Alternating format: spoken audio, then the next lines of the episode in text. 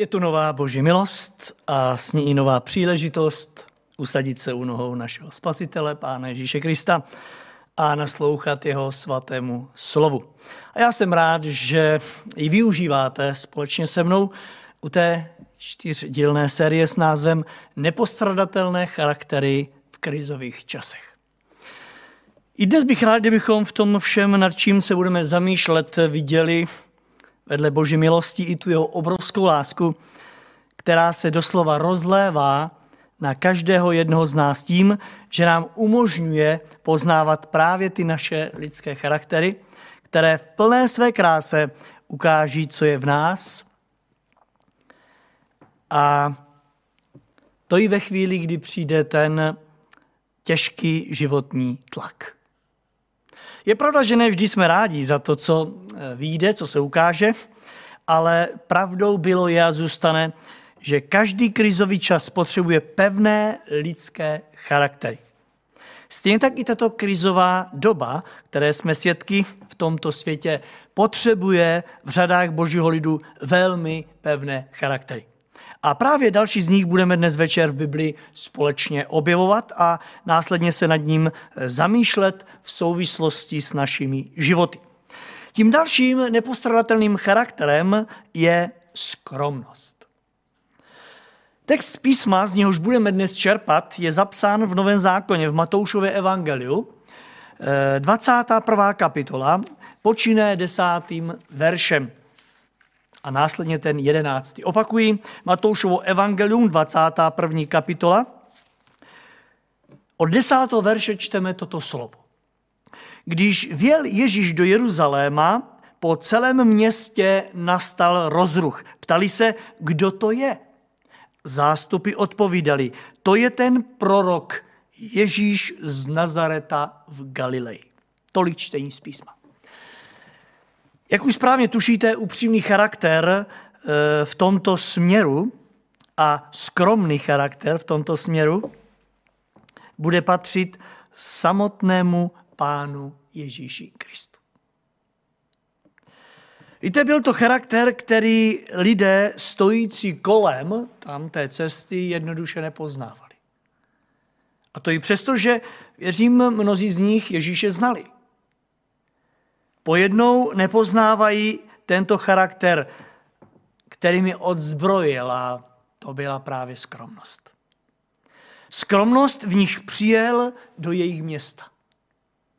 A právě tímto charakterem bych rád zakončil tuto čtyřdílnou sérii o nepostradatelných charakterech v krizových časech. Vím, že se najdou i dnes večer ti, kteří mi řeknou, přece mě nemůžeš porovnávat s Kristem. Jo, s Jobem a s Ester a s eh, lidmi jako takovými, ale mě porovnávat s Kristem? Přece moji skromnost nemůžeš dát vedle skromnosti Ježíše Krista.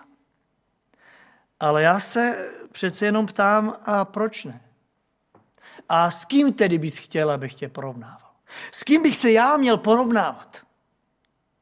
Víte, ďábel přichází s takovou to nemístnou skromností a říká, ale přece eh, ty se nemůžeš porovnávat s Kristem, ty jsi eh, přece jenom...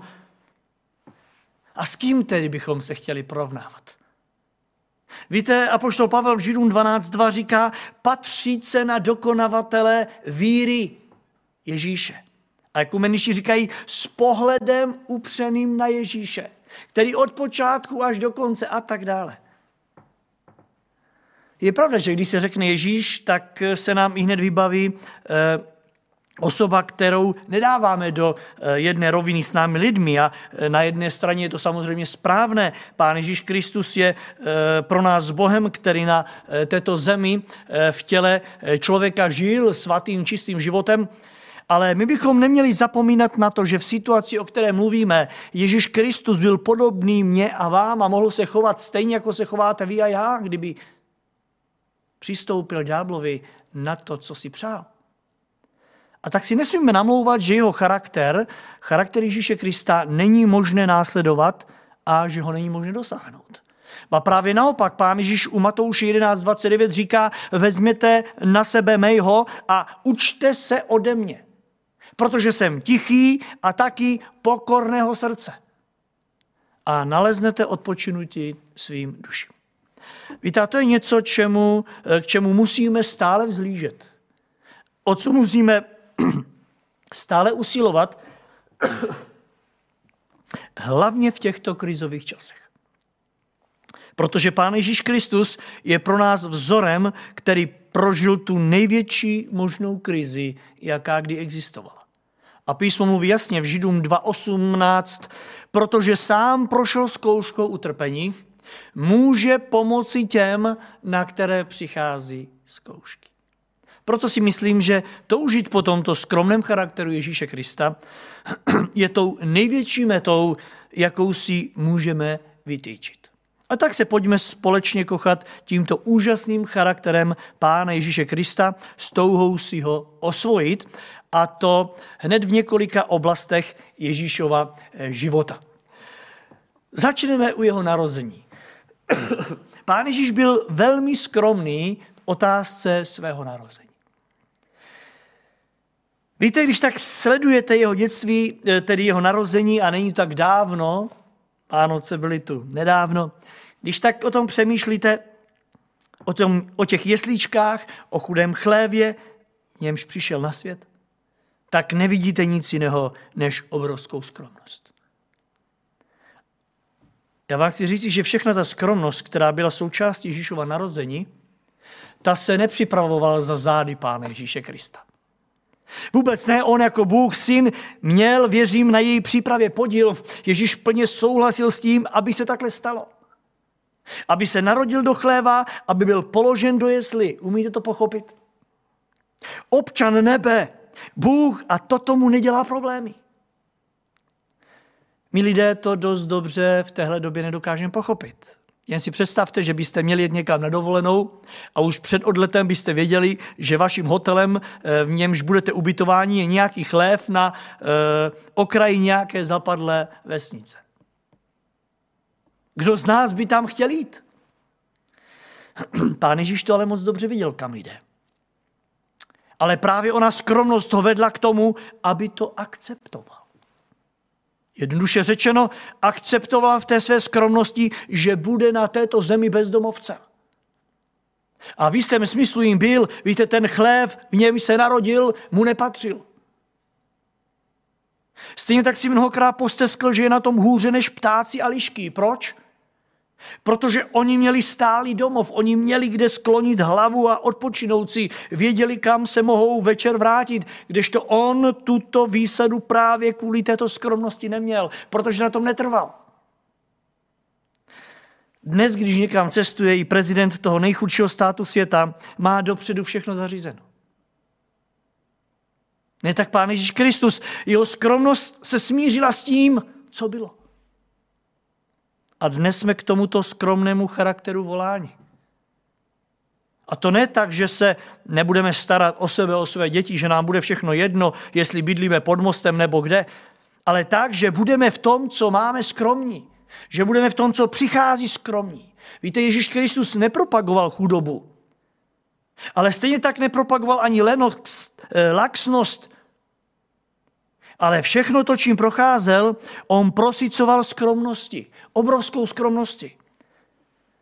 Víte, ta současná krize, která přišla i na tento svět, víte, ta odkrývá nedostatek skromnosti v tomto světě.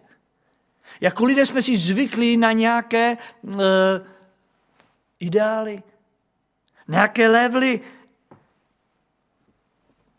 a teď nám dochází, že budeme muset z toho slevit, jenomže chybí nám skromnost. Za druhé, pán Ježíš byl skromný v otázce dospívání. Přenesme se teď od narození k jeho dospívání. Poznáme to už podle toho, kde a jak vyrůstal. Moc o tom v Bibli nečteme. Pro lidský sluch zřejmě to nebylo nějak atraktivní, abychom věděli, kde přesně a jak. Dnes žijeme jako boží lid jinou dobu. Eh, mladí lidé chtějí žít naplno, chtějí mít všechno. Chtějí, aby bylo o nich slyšet, aby byli vidět.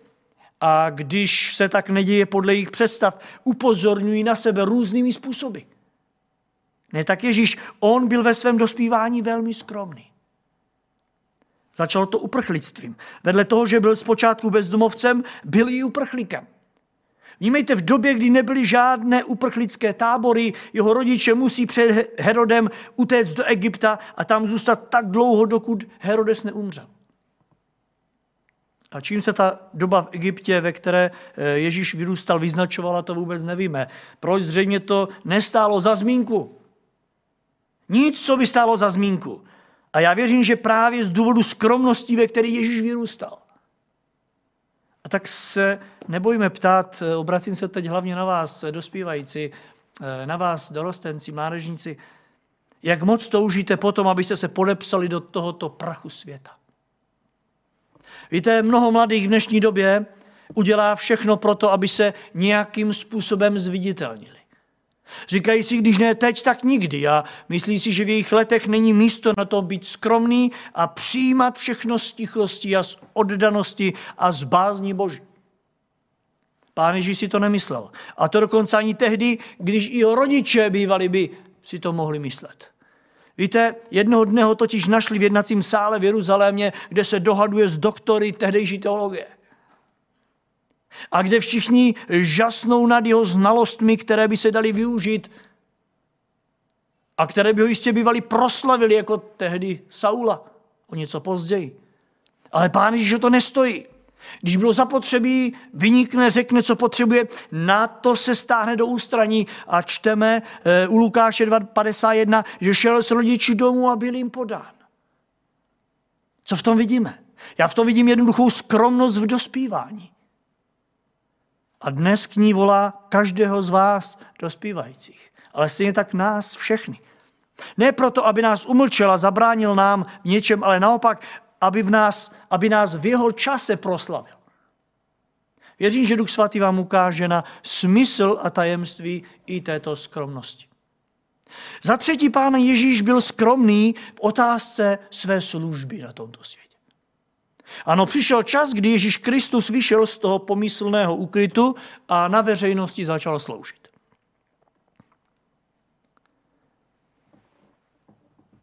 Ale jeho služba i přesto, že mnohým brala dech,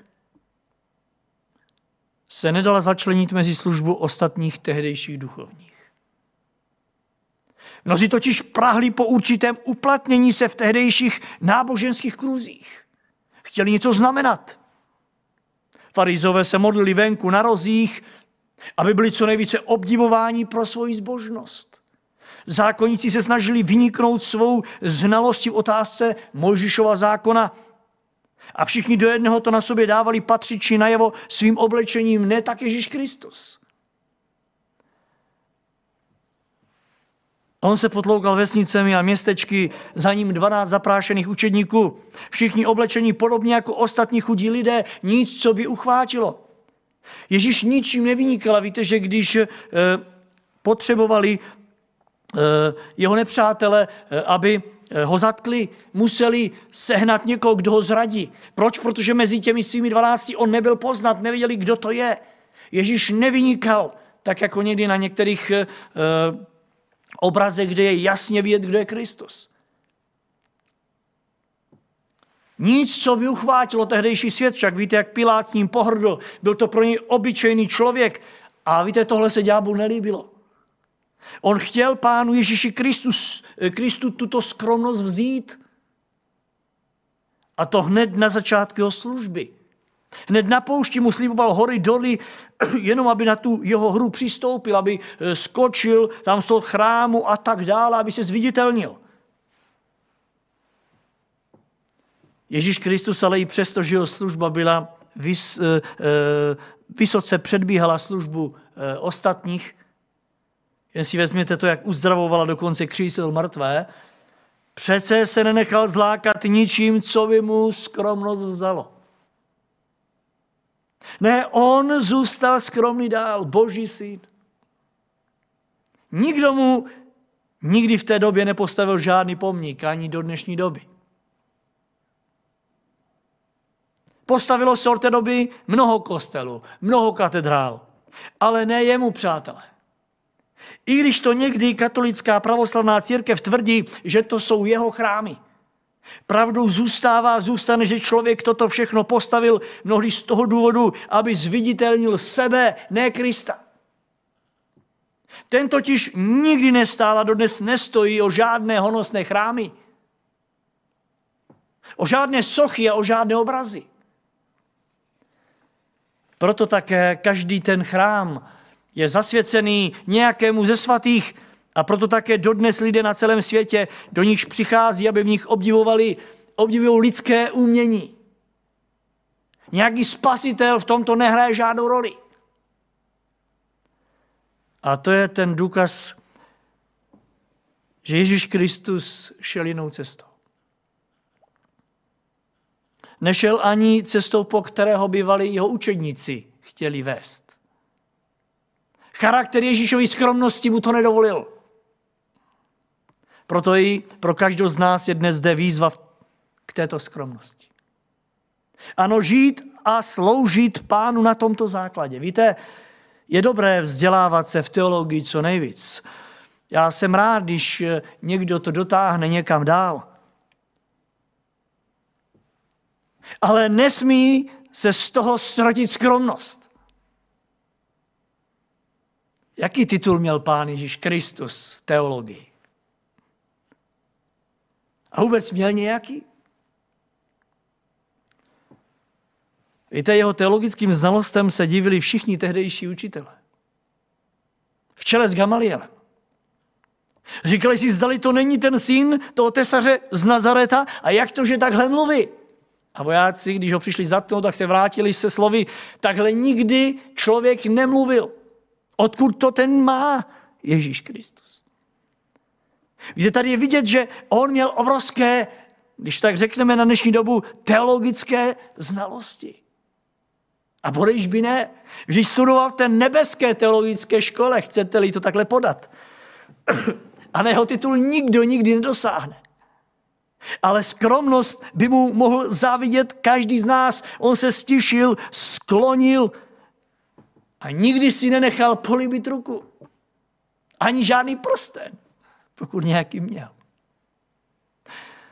Půjdeme dál. Čtvrtá věc. Pán Ježíš byl skromný i v otázce smrti. Víte, dnešní oddíl ho nachází právě v blízkosti kříže. A opět chci podotknout, a on to všechno věděl. Pán Ježíš to věděl. Věděl, že za krátký čas bude s jeho dílem na této zemi konec. Jen si to zkuste na chvíli představit. Jak byste v takové chvíli jednali? Byla to chvíle, kdy si člověk říká, buď teď, a nebo nikdy. A pán Ježíš to věděl, šel naposledy do Jeruzaléma. Byla to vlastně jednosměrka, po nich Ježíš věděl, že se vracet už nebude.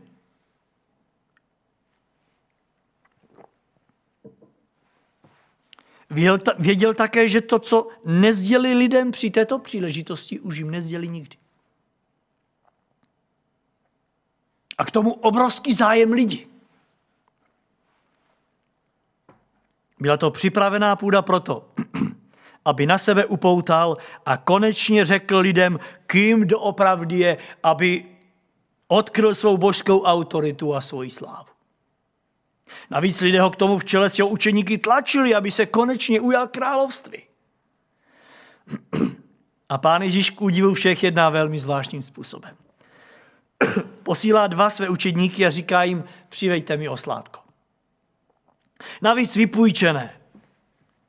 Za chvíli ho vrátíme a na něm přijíždí do Jeruzaléma. A ten desátý verš, který jsme si četli, říká, když tam na něm věl celý Jeruzalém, se velmi rozrušil.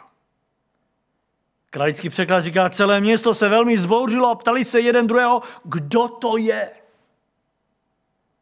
Jednoduše ho takhle nepoznávali. A to možná i přesto, že ho mnohokrát viděli. Ano, bylo to proti jejich myšlení. Nešlo to dohromady s jejich představami, které měli o Mesiáši. A možná, že to bylo právě onou tečkou i pro jednoho z jeho učeníků Jidáše. Jen si totiž myslel, že přece jen přijde čas, kdy Ježíš ukáže svou pravou tvář. Kdy nechá skromnost stranou.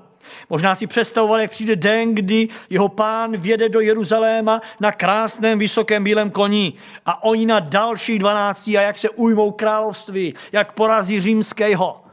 Jak se z nich možná stanou ministři, jenomže opak byl pravdou. Žádný kůň, žádná královská podsta, ale oslík to skromné zvířátko, které se nechá odvázat a vedou ho tam, aniž by vědělo kam.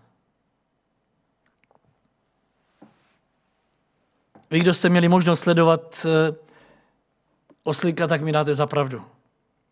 Že přesně odrážel skromnost.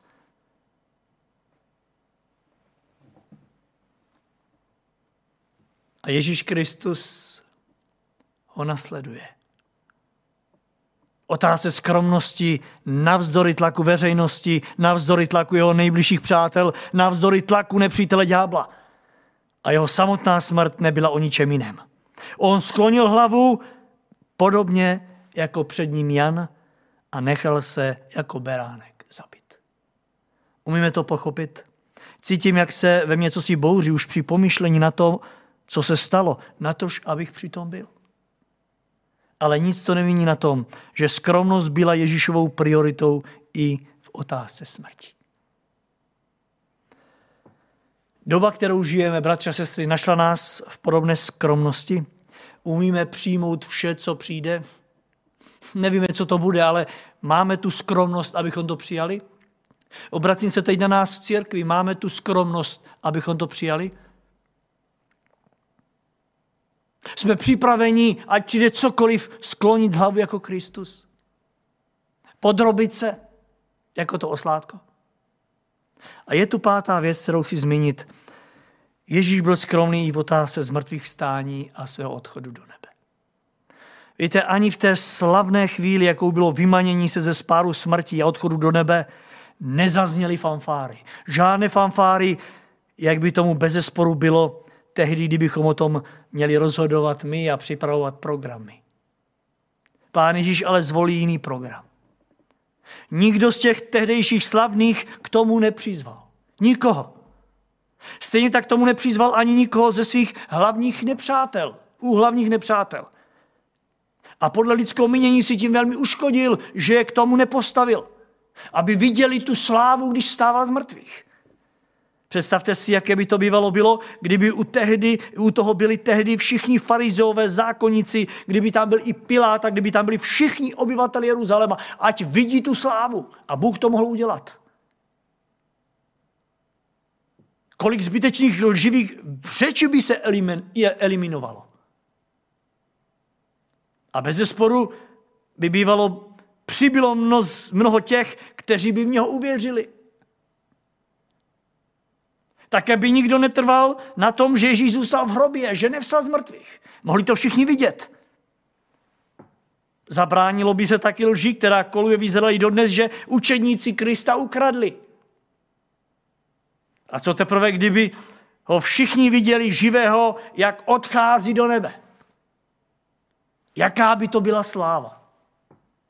Ale všimněte si, pán Ježíš to všechno udělal v obrovské skromnosti. A zkuste v tomto směru studovat písmo a uvidíte, že je to stejná skromnost jako v tom chlévě. Jak začal, tak skončil. A dnes k tomu stejnému prvku skromnosti volá tebe i mě. A je jedno, že žiješ v jiné době než on. Víte, na to se nesmíme vymlouvat. Ježíš nepatřil žádné době. On byl nadčasový, on byl nadprostorový. A přesto všechno dobu v nich žil, protkal skromností, ke které vybízí dnes mě a vás a přeje si, aby se stala součástí našeho každodenního života. A já věřím, bratře a sestro, že si uvědomujeme, jak i v této době a v našich zborech je důležitá skromnost. Tato pokora Ježíše Krista. Víte, nedostatek skromnosti je patrný v církvi Kristove, kam se podíváte, naše jednota netvoří výjimku. A to proto, že nám schází něco z toho kristovského. Není dostání skromnost. Proč? Protože nám zřejmě schází v rodinách. A v rodinách schází, protože schází nám ve našich srdcích. Všechno, čeho je nedostatek v církvi Kristově, příští z nedostatku jednotlivých údů Kristovy církve, na to nezapomínejme. O to víc dbejme toho, aby dnešního charakteru skromného a pokorného Ježíš Kristus, až přijde, aby v nás našel. A nyní v závěru je nutnost si odpovědět na otázku, jak je možné, že člověk s takovým velkým če, jakým Ježíš Kristus na tomto světě byl, jak je možné, že zůstal přes veškerý ten tlak světa a ďábla pevný a že se nezvyklal. Jak je to možné? Jak je možné, že se mu tak těžko přibližujeme? Co ho drželo nad věcí a co mu pomáhalo zůstat v této otázce nepohnutelným? Ptejme se v závěru toto, tohoto zamyšlení. Víte, já osobně, bratře a sestro, si myslím, mimo jiné, samozřejmě, že ten největší důvod té výdrže v otázce skromnosti Ježíše Krista byl v tom, že on si byl vědom něčeho, co si snad my ani nechceme připustit a čeho si nechceme být vědomi. A sice, že na tomto světě nemá smysl nebýt skromný. Ano, Ježíš si byl vědom toho, že na tomto světě nemá smysl nebýt skromný. Protože opak skromnosti, jak víte, je pícha mimo jiné, touha po zviditelnění, eh, eh, touha po kariéře. A to Kristus na tento svět nepřišel dělat. On zde přišel naplnit Boží vůli a to je vše. A tak se ptejme, víme, proč jsme tady my? Ježíš věděl, že toužit po slávě na tomto světě je jako honit se za větrem. A to on nepřišel honit větr. Pán Ježíš šel jinou cestou. Víte, jeho život byl žitý z perspektivy věčnosti. On totiž věděl, že se do nebe za chvíli vrátí. A v nebi to není o skromnosti. O té tělesné skromnosti v nebi není řeč. V nebi to je o plnosti. Nebe je místo, kde nikdo netouží mít víc, protože všichni mají všechno, protože mají Krista. A tomu dal Ježíš přednost.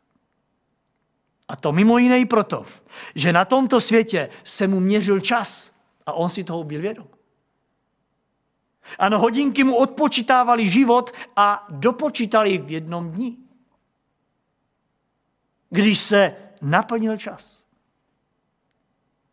Ne tak, ale na věčnosti. Tam mu nikdo neměří čas. Nikdo nikomu neměří čas. Proto ten Ježíšův postoj ke skromnosti a k plnému odevzdání se svému nebeskému Otci. A tak se ptám sebe i vás, bratři a sestry, nechtělo by se to řídit tímto charakterem v budoucích dnech i v této krizové době? A hlavně v této krizové době? Já věřím, že ano, vždyť ani nám to nestojí za to, abychom se během těch pár let života chovali jinak než Kristus. Znovu zdůraznuji ono slovo z Židům 12.2. S pohledem upřeným na Ježíše Krista, který vede vaši víru od počátku až do konce. Přejme si, aby charakter Ježíše Krista se stal i naším charakterem pro budoucí dny. Ať už se budou vyznačovat jakoukoliv krizi, tou, která je teď, anebo pokud další přijde. Všechno, co děláme, ať je ve skromnosti našeho Pána a Spasitele. Amen. Budeme se modlit. Ježíši Kriste, chválíme tě a uctíváme za ten čas, který jsme směli strávit i dnes podvečer na tomhle místě. U tvého svatého slova. Děkujeme za to, že jsi nám dovolil poznávat tvůj charakter který byl tichý a pokorný. Děkujeme za to, že jsi k nám, nás k němu povolal. A děkujeme za to, že ty jsi připravený nám ho vštípit. Uvědomujeme si, že my nic sami od sebe nezmůžeme.